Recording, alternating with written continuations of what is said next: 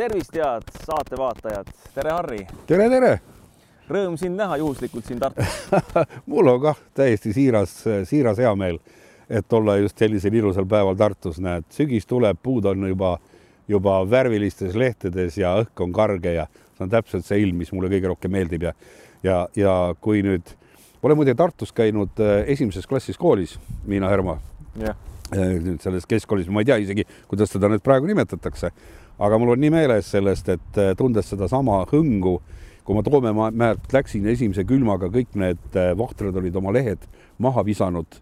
Ja siis ma läksin niimoodi, ma olin põlvist saadik nendes vahtralehtedes ja siis see, see sügise lõhn, see Tartu lõhn, see on mulle jäänud äh, igaveseks ajaks igavesti linna. Ja nüüd, kui ma tulen siia Tartusse, ma vaatan, et need puud hakkavad jälle minema sellist, sellist värvilist, värvilist tooni, nii et tekitab sellise sellise nostalgilise tunde, et mul tulen alati väga hea meelega Tartusse, just eriti sügisel.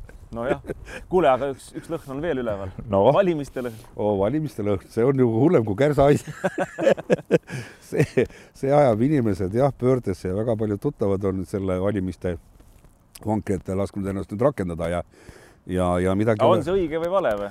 Teate, poliitika pidi räpane olema, on siis räpane või? ma ei ütleks, et ta räpane on, vaata, vaata asi ongi selles, et Eesti on nagu väga huvitavas äh, olukorras see on minu meelest.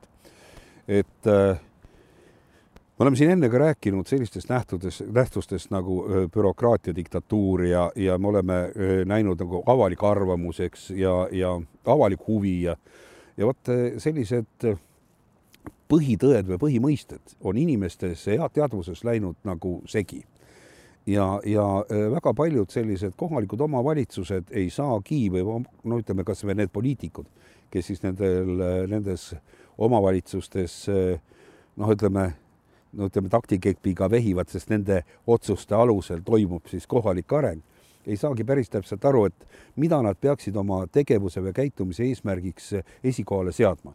kas siis kogukonna arvamust või Eesti õigusriiki, mis tugineb seadustele.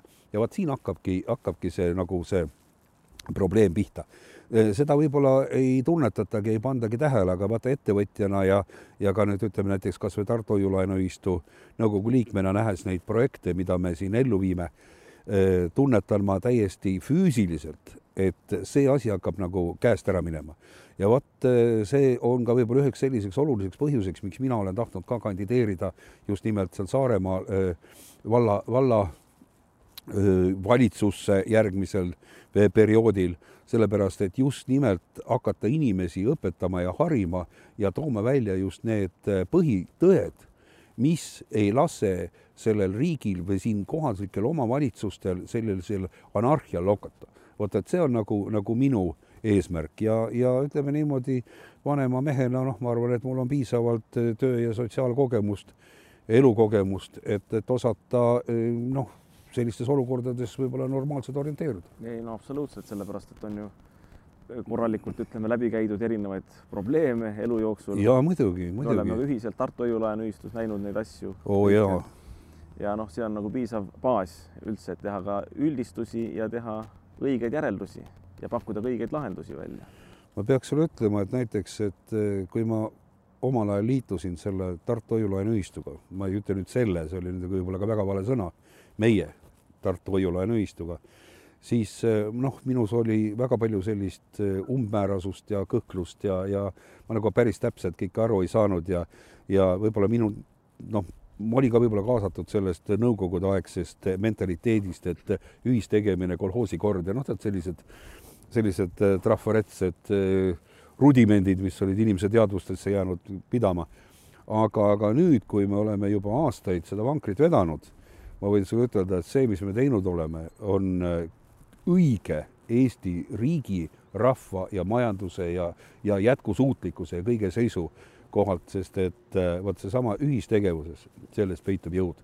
ja kui inimesed hakkavad aru saama, et, et meie Eesti on meie oma kodu ja ja kui me tahame siin midagi korda saata, siis me peame tegema ühiselt, et me ei tohi lasta olla manipuleeritavad, me ei tohi tekitada iseenda keskkonnas mingisuguseid äh, olematuid massihüsteeriaid ja vaid me peame olema lihtlabased selles samas talupoja mõistuses kinni, et kui me midagi ikkagi teeme, siis peab olema see otsus, mille me ka langetame enne seda, peab olema läbimõeldud, kaalutletud ja suunatud tulevikku. just nimelt, ma ütlen veel kord, see võib tunduda jälle selline leierdatud, aga meie põhiseaduse preambuli vaimus, kus on ikkagi sulaselgelt öeldud, et meie riik, meie kodu peab olema pandiks ja garantiiks meie lastele ja meie lastelastele ja tulevastele põlvedele läbi aegade.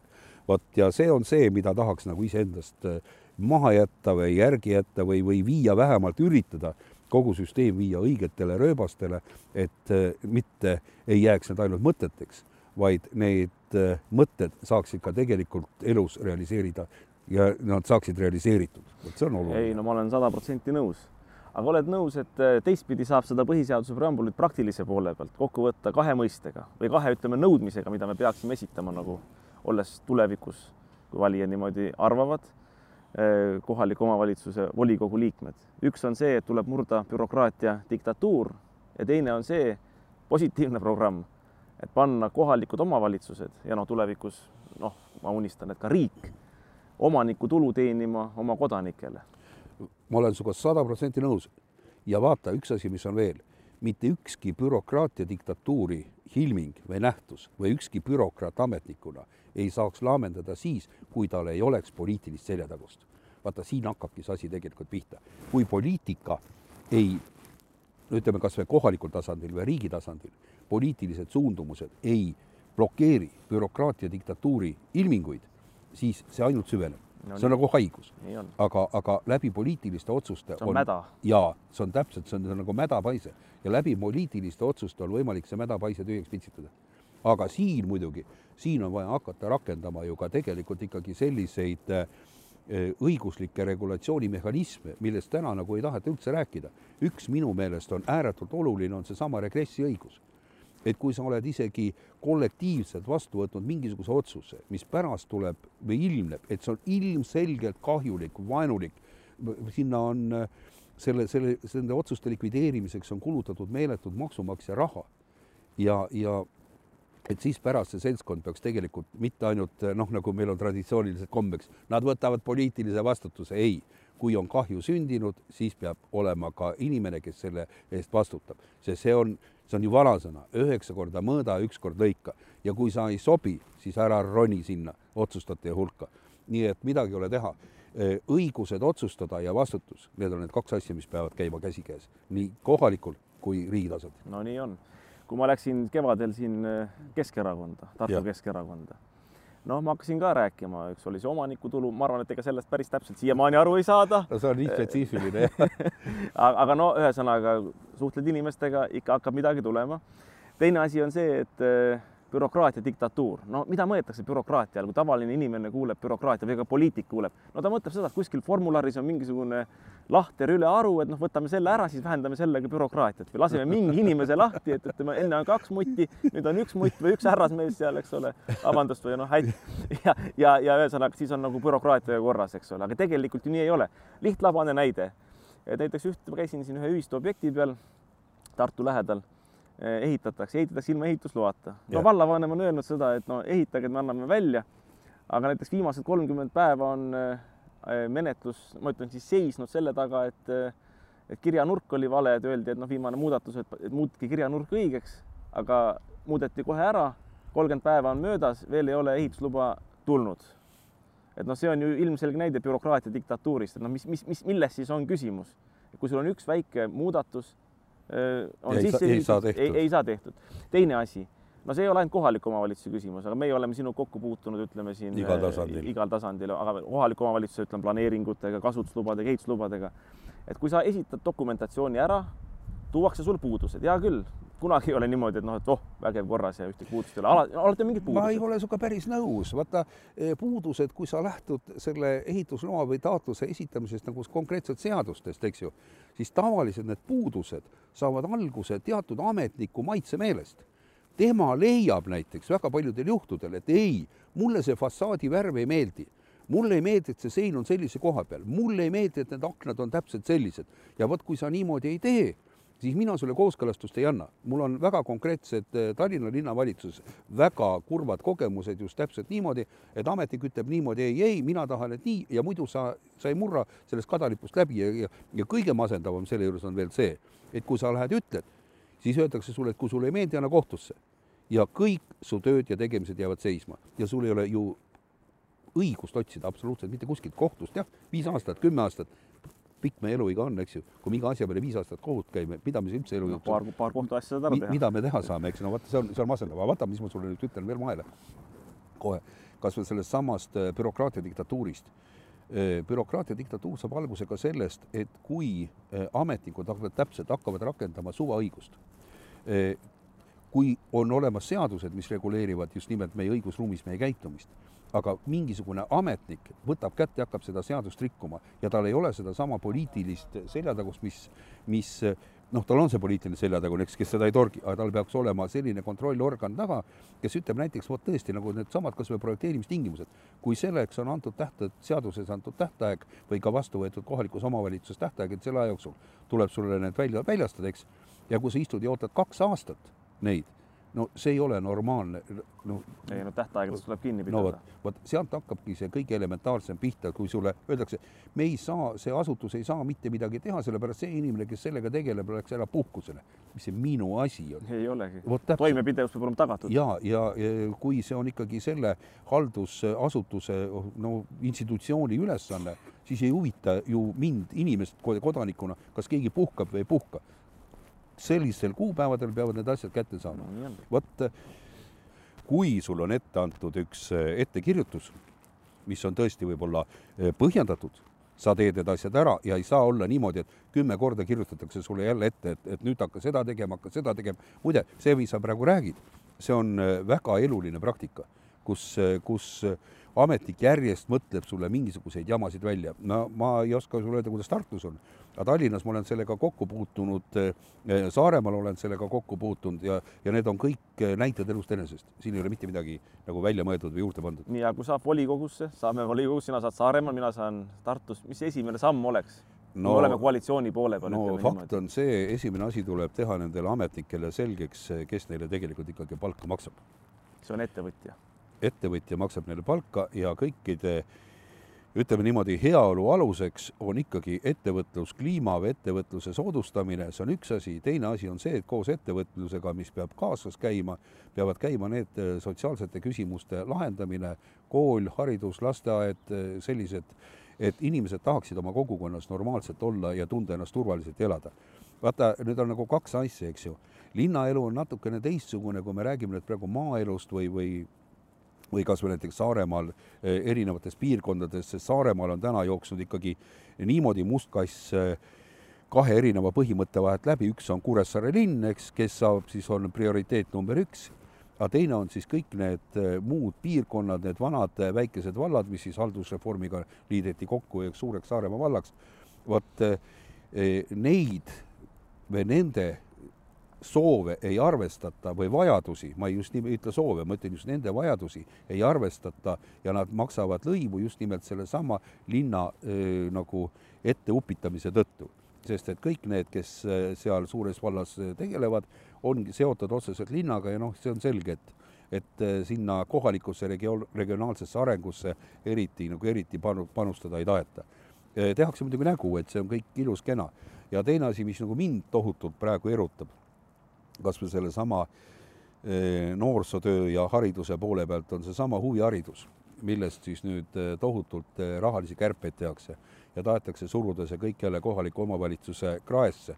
aga kus see kohalik omavalitsus saab tegelikult seda raha juurde ainult läbi ettevõtluse, ettevõtlike inimeste, kui on ettevõtlust, kui on turgu, siis laekub ka maksuraha, siis on võimalik ka kõiki muid sotsiaalküsimusi lahendada, niikaua kui kui need ametnikud saavad aru, et nendel tuleb niikuinii raha eelarvest, eh, külakogukond saab aru, kes elab enamus sotsiaaltoetustest, et nemad saavad oma raha nutumüüri äärest, võtavad raha seinast, eks.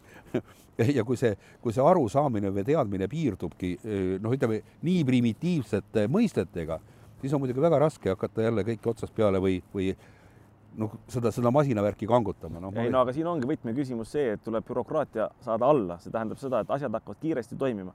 ametnik peab vastavalt haldusmenetluse seadusele tegelikult abistama inimest. absoluutselt. haldusasjade ajamisel. absoluutselt. no ma ütlen, toon sulle naljaka näite, et äh, mul on, mul on siin ka mitmes äh, mujal riigis on olnud selliseid kokkupuuteid ametnike ja ministeeriumitega ja ja kas või sama Aafrikas, kus mul on sellised projektid ja ja, ja ütlen sulle, et näiteks Ugandas, noh, me ei tea sellest riigist eriti mitte midagi, aga kui sa lähed sinna ministeeriumisse, siis kõik ametnikud, nad on valmis sind aitama, juhendama, suunama eh,, organiseerima sinu eest, et peaasi, et kui sa oled ettevõtja, siis nad saavad aru, et eh, tänu sinu tegevustele eh, saab ka kohalik kogukond väga palju oma sotsiaalseid küsimusi lahendatud teravaid sotsiaalseid küsimusi. raha käib ja kiirus kasvab, see on majanduse alus. absoluutselt, aga meil on risti vastupidine, sest meil ük-, no ma ütlen sulle ausalt, käsi südamele, ma ei tea tõesti ühtegi sellist juhust, et kui oled mingisuguse uue algatusega välja tulnud, läinud valda, et see on tekitanud inimestes elavust, öelda, et oi kui tore, hea, et tulid, nüüd me saame ühe või teise küsimuse ära lahendatud, hakkame seda tegema, aitame ja toetame, no kõlab ju nagu muinasjutt, eks ju? on, ei ole, ei ole kuulnud ega ole näinud. no vot, kui me tahame normaalset elu, keskkonda, siis ongi see, et me peame eelkõige jõudma just nimelt sinna välja, et ametnik ei, ei, ei vaata sind, kui sa uksest sisse astud, et jälle mingi tüütustuli ei lase mul rahulikult vegeteerida ja päevi õhtusse veeretada, vaid äh, ma panen ise ka pea tööle ja, ja ma katsun ka teda aidata. muide, aga vaata, Andro, see on, see on jube hea ühelt poolt poliitiliselt rääkida, aga teiselt poolt on meie äh, õigusruumis ka sellist praktikat, et kui ametnik üritab siis või ütleme isegi poliitik üritab, üritab sekkuda ametniku tegevusse ja küsida, kuidas ametnik oma tööd hästi teeb ja kas ta on oma tööd teinud hästi, siis äh, tõlgendatakse seda niimoodi, et see poliitik, kasutades ära oma positsiooni, äh, saad aru, kuritarvitab, kuritarvitab oma võimu ja, ja, ja sel, tänu sellele loob ta kellelegi mingisuguseid eeliseid või mingisuguseid konkurentsieeliseid või mingeid soodustusi ja siis tekibki küsimus, aga mis kasu ta sellest saab, kui ta, kui ta nüüd niimoodi käitub no ja, ja alati on mingi konkreetne näide, mida, mille najal tahetakse midagi paremaks teha. no vot, aga, aga siis öeldakse, aga mis sina sellest kasu saad, et sa oma nina sinna vahele topid. isegi kui me räägime nüüd nagu riigi tasandil, kas mäletad omal ajal, noh, see on võib-olla, ei ole isegi, see võib olla kõige parem näide, aga, aga ta on asjakohane ma mäletan, kui äh, EKRE oli ka valitsuses mm -hmm. ja kui rahandusminister Helme võttis kätte ja hakkas huvi tundma riigi küsimustele või probleemidele nagu, nagu tervikuna pilti peale heitma, siis teda ju hakati erinevatel tasanditel ja erinevate poliitiliste jõudude poolt ründama, et mis sa topid oma nina teiste ministeeriumite sinna mängumaasse, kus see pole nagu üldse sinu asi.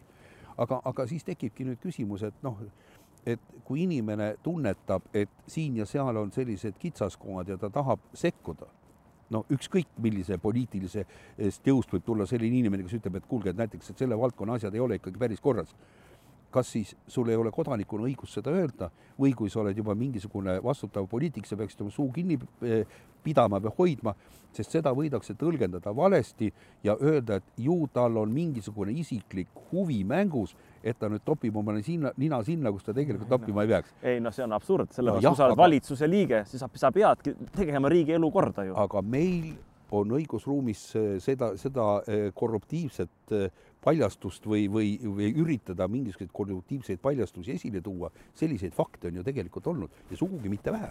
no nii on, Mart Järvik oli näiteks no, Riiaga. no elementaarne. Riia jäi peale. nojah, ja vaata nüüd, eks, kuidas tegelikult asjad välja näevad, nii et, et tegelikult äh, on väga palju selliseid tahke ja väga palju selliseid nüansse, miks tuleb kandideerida eh, nendel valimistel ja, ja vot sa ütlesid, et sina oled Keskerakonna liige, eks. Mina ei ole eh, Isamaa liige, kuigi me kandideerime praegu Saaremaal eh, erinevate valimisliitudega. Koondusime, läksime Isamaa nimekirja alla, sellepärast et noh, tõesti tunnistan ausalt, eh, ei ole midagi teha, sest et ma ei saa olla Saaremaa Keskerakonnaga, Reformierakonnaga ja Sotsiaalerakonnaga ühel pildil. Ma tunnen ennast häbematult noh, halvasti, kui ma peaksin nende isikutega olema. mul ei ole võib-olla selle erakonna poliitika vastu ja noh, mingisugust sellist eh, negatiivset suhtumist, aga mul on just täpselt eh, negatiivne suhtumine nende inimeste käitumiste, asjaajamiste suhtes, sest et kui nad on üritanud saada endale ametipositsiooni ainult sellepärast, et kindlustada iseenda ninaesine ja hea äraolemine, siis no tõesti, nende inimestega ma ühele pildile nagu sattuda ei taha. ei no see on muidugi absurd. sest et noh, mida, mida, mida see nüüd nagu ka tegelikult näitab, kas või meie sinuga tegevus Tartu Hoiu-laenuühistus, sest me ju ei ole me ei ole ju teinud seda iseendale selle, selle nimel või tähendab, võtnud nii suurt riski või nii suurt vastutust, mida me tegelikult ju kanname sest sa kujutad ette, meie käsutuses keerutada on tuhandete Eestimaa inimeste säästud ja raha. ja, ja kõigi nende aastate jooksul me oleme ju seda palli kasvatanud, mitte, mitte üritanud lihtsalt, saad aru, õhku lasta kogu seda mudelit. no nii nii meie bilansi maht on, on ju iga aasta järjest, järjest suuremaks läinud. viiskümmend miljonit. no ja viis tuhat liiget. no vot, kõik need projektid, mis me oleme ellu viinud, eks, vot see näitab. ellu viinud. ellu viinud, mitte plaaninud, vaid ellu viinud ja me plaanime veel ja me viime veel ellu. nii et, et vot sellepärast ma ütlengi sulle, et, et see näitabki eh, meie suundumust, et mida me siis tegelikult teha tahame. hinges me tahame, et see elukeskkond, kus me elame, oleks elamisvääriline ja me ei peaks oma riigis hakkama ketestuma, getost, ketust, geto, getostuma ja, ja me ei taha külvata või, või kultiveerida siin vaesuskultuuri, sest vaesus, vaesusel on väga suur omadus eh, tekitada vaesust juurde. me tahaksime, et kõik inimesed oleksid jõukad, rikkad, normaalsed ja see elukeskkond, kus me, kus me elaksime, oleksime, oleks läbi-lõhki turvaline ja, ja me suudaksime vot täpselt sedasama oma kultuuri milles me oleme harjunud, seda kultuurikeskkonda, milles me oleme harjunud elama või olema, et me suudaksime seda ka säilitada, sest see on ainukene asi, mis mind, meid eristab kogu selles globaalses maailmas teistest riikidest ja rahvastest. täiesti nõus. aga tead, mis mind rõõmustab? noh, Keskerakonnas, Tartu Keskerakonnas, mind rõõmustab see, et siin on palju ühistukaaslasi. no oli, oli, oli piirkonna konverents ei teadnudki, et näed, on Keskerakonna liikmed. aga tuumikus on ka meie ühistukaaslasi ja sellepärast ma nagu tulingi siia, et ma nägin, et, et inimeste, inimesel, sellel, sellel seltskonnal on ja. nagu lootust, eh, kuna nad on kõik tegijad, midagi korda saata teistes nimekirjades ma Tartus ei näinud, vaat see ongi nagu piirkond, need on kohalikud no, valimised, see ei ole riigi valimine. ja ma saan sinust aru suurepäraselt. ja mille üle mul veel hea meel on, on see, et ei surutud võõrlegionäre siia kandideerima, et need on kõik Tartu inimesed. no võib-olla keskkontoris pahandatakse, kui ma nii ütlen. aga, sulle... aga mul on hea meel. ma, ma ütlen väga ülbelt, ei surutud sulle dekoratiivtoljasid nii et ühesõnaga tähtis on see, et see meeskond, kus sa oled, nagu meil on ühistumeeskond, et see oleks tegijate punt ja, ja ühesõnaga läheks edasi, teeks no, no, asju. see ongi kõige tähtsam ka see, et sa saad oma meeskonna liikmetele kindel olla, et no nagu vanasti öeldi, et, et nendega võib minna luurele, et kui kui sul on selline meeskond, kellega sa võid minna luurele, noh, milles siis küsimus? siis aga... mine ja luura. aga võib-olla meie vestluse lõpetuseks ma mainisin siin seda omanikutulu küsimust. oleks võimalik näiteks Saaremaa vallal või Tartu linnal kui omavalitsusel, juriidilisel isikul hakata nii oma eelarvesse kui miks mitte näiteks läbi selle, et kutsutakse ka inimesi kaasa näiteks Saaremaa kodanikke Saaremaal, Tartu kodanikke Tartus. palun, näed, see on meie linna mingi tootmisettevõte, see kuulub sada protsenti Tartu linnale. aga selleks, et seda käima panna, selleks on vaja kapitali, osa me võtame linna eelarvest, aga osa jaoks kulutame välja näiteks võlakirja emissiooni, saavad ka Tartu kodanikud, Saaremaa kodanikud osa sellest omanikutulust. oleks selliseid projekte käima panna? oi, sa astusid praegu konna silma peale, mitte lihtsalt ei astunud, vaid sa lausa trampisid seal peal. muidugi oleks võimalik. Saaremaale ma toon sulle väga lihtsa näite iseenda sellest äh, valdkonnast, mida ma valdan läbi ja lõhki. koos vallaga ja nende teadmistega, mis meil on, võiks Saaremaale teatud piirkonda rahuliku südamega üles panna mõne tuulepargi, mis hakkaks äh, teenima raha juurde.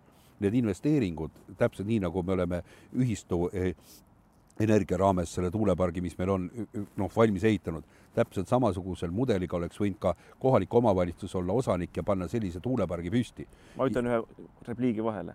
Tartu Õhulaen Ühistu Ühistu Energia ei võta ja. ju oma liikme käest mitte maksu, vaid vastupidi, annab dividendi oh,. ja ma ütlen, kui me selle asja nüüd oleksime ka Saaremaal paika pannud, siis võiks vald saada sellest väga suurt lisatulu, aga mida tegi vald ja poliitikud? Nemad võtsid kätte, nemad tahtsid niikaua, kui ei ole üldplaneering eh, kehtestatud, mis siis praegu erinevates valdades on üldplaneeringute menetlused ju kõik pooleli, niikaua kui ei ole kehtestatud, pandi pidur peale kõikidele tuuleparkide võimalikele arendustele. See mitte lihtsalt, et, et nad ei takista, vaid nad lausa hävitavad initsiatiivi.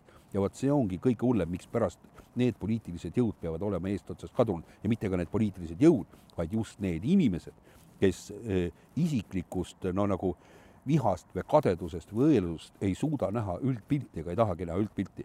see võimalus, need võimalused kõik olemas, mitte ainult see, see oli üks markantne näide.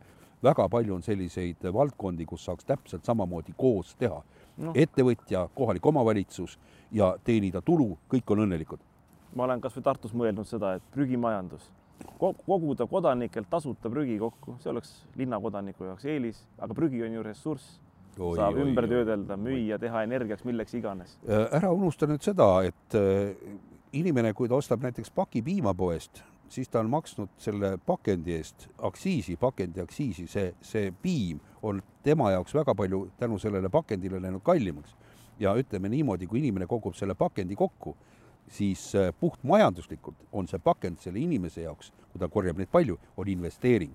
ja kui ta peab nüüd raha peale maksma, et ta veel teist korda selle pakendi ära annab, see on sulaselge ebamajanduslik tegevus kodaniku suhtes vaat siin olekski võib-olla noh, sa ütled väga õigesti, vaja mõelda hoopis teistmoodi, läheneda hoopis uutmoodi nendele küsimustele, et lõppkokkuvõttes, et mitte, mitte inimene ei maksaks kinni, et seda prügi utiliseeritakse, vaid sellest prügist teha midagi sellist, et sellest tõuseks tulu kogu kogukonnale. täpselt nii.